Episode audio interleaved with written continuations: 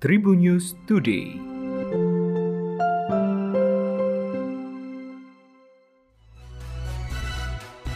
Halo Tribuners, berjumpa kembali dengan Memes yang bakal berbagi informasi terkini untuk kamu. Diawali dari berita nasional. Lembaga Survei Nasional Parameter Politik Indonesia melakukan survei terkait lima tokoh nasional yang akan menjadi kandidat calon presiden atau capres pada Pilpres 2024 mendatang. Survei yang dilakukan pada 23 sampai 28 Mei 2021 diikuti 1.200 responden ini pun menanyakan terkait lima tokoh tersebut. Direktur Eksekutif Parameter Politik Indonesia Adi Prayitno mengatakan Ketua Umum Partai Gerindra Prabowo Subianto menjadi tokoh paling populer saat ini dengan angka 22,3 persen. Lalu di posisi kedua ada Gubernur Jawa Tengah Ganjar Pranowo dengan 19,7 persen. Ketiga, Gubernur DKI Jakarta Anies Baswedan dengan 18,1 persen. Keempat, Ketua Umum Partai Demokrat Agus Harimurti Yudhoyono dengan 10,1 persen. Kemudian di posisi kelima ada Menteri Pariwisata dan Ekonomi Kreatif Republik Indonesia Sandiaga Uno dengan angka 7,5 persen. Sedangkan masih ada 22,3 persen angka suara yang ragu atau belum menjawab dalam survei 5 tokoh tokoh Capres Pilpres 2024 ini. Adapun pengembalian sampel pada survei ini dilakukan melalui sambungan telepon dengan margin of error sebesar kurang lebih 2,9% pada tingkat kepercayaan 95%. Kuliah umum virtual di Universitas Sumatera Utara disusupi video porno. Diketahui, kuliah umum tersebut diselenggarakan Ikatan Mahasiswa Hukum Administrasi Negara atau IMAHARA pada Jumat 4 Juni 2021. Humas USU mengungkapkan awalnya kegiatan tersebut berjalan dengan lancar. Namun, beberapa saat kemudian ada gangguan yang muncul dari luar panitia. Panitia mengungkapkan ada tiga akun yang mencoba menampilkan konten porno dalam kuliah umum virtual tersebut. Tema dalam diskusi tersebut yakni alih status pegawai KPK dari sudut pandang hukum administrasi negara.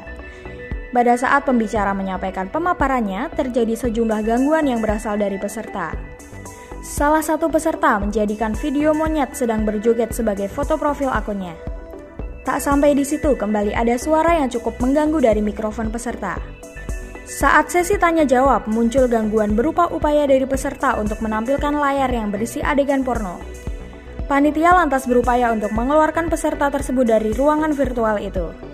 Rektor USU Muryanto Amin mengatakan Fakultas Hukum sedang mencari tahu siapa pelakunya melalui Pusat Sistem Informasi. Sulyanto bin Sastro Martoyo, ayahanda youtuber Ria Ricis dan artis sekaligus penceramah Oki Setiana Dewi meninggal dunia pada Jumat 4 Juni 2021. Oki Stiana Dewi mengungkapkan kronologi meninggalnya ayahanda.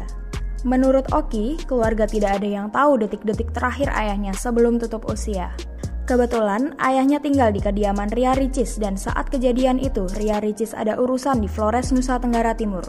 Oki mengetahui ayahnya dalam keadaan sehat meski memiliki riwayat jantung dan hipertensi. Jumat pagi, ibunya memberikan kabar kalau badan ayahnya sudah dingin. Oki Stiana Dewi pun dengan cepat memanggil ambulans agar ayahnya dibawa ke rumah sakit supaya ada kepastian. Nyatanya, Sulyanto telah meninggal beberapa jam yang lalu.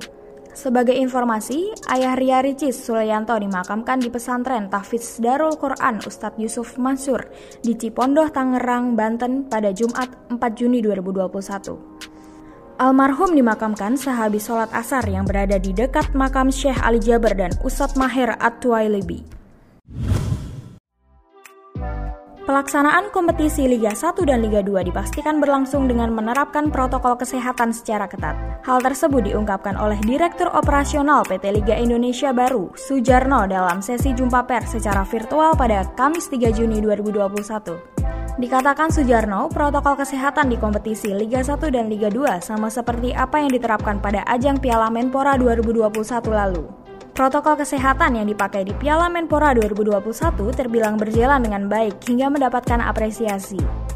Bahkan, pada Piala Menpora 2021 disebut tidak menimbulkan klaster penyebaran COVID-19. Sujarno menambahkan, untuk metode pemeriksaan tes COVID-19 pada Liga 1 dan Liga 2 akan menjadi ranah PT LIB. Beberapa jam sebelum pertandingan, seluruh anggota tim harus lebih dulu menjalani tes bebas dari COVID-19. Sementara itu, pelaksanaan kompetisi Liga 1 diagendakan berlangsung pada 10 Juli 2021. Untuk gelaran Liga 2 baru akan bergulir selang 14 hari setelah kick-off Liga 1. Demikian tadi empat informasi terkini untuk kamu. Jangan lupa untuk terus mendengarkan Tribun News Podcast hanya di Spotify dan YouTube channel tribunnews.com. Saya Memes pamit, sampai jumpa. Tribun News Today.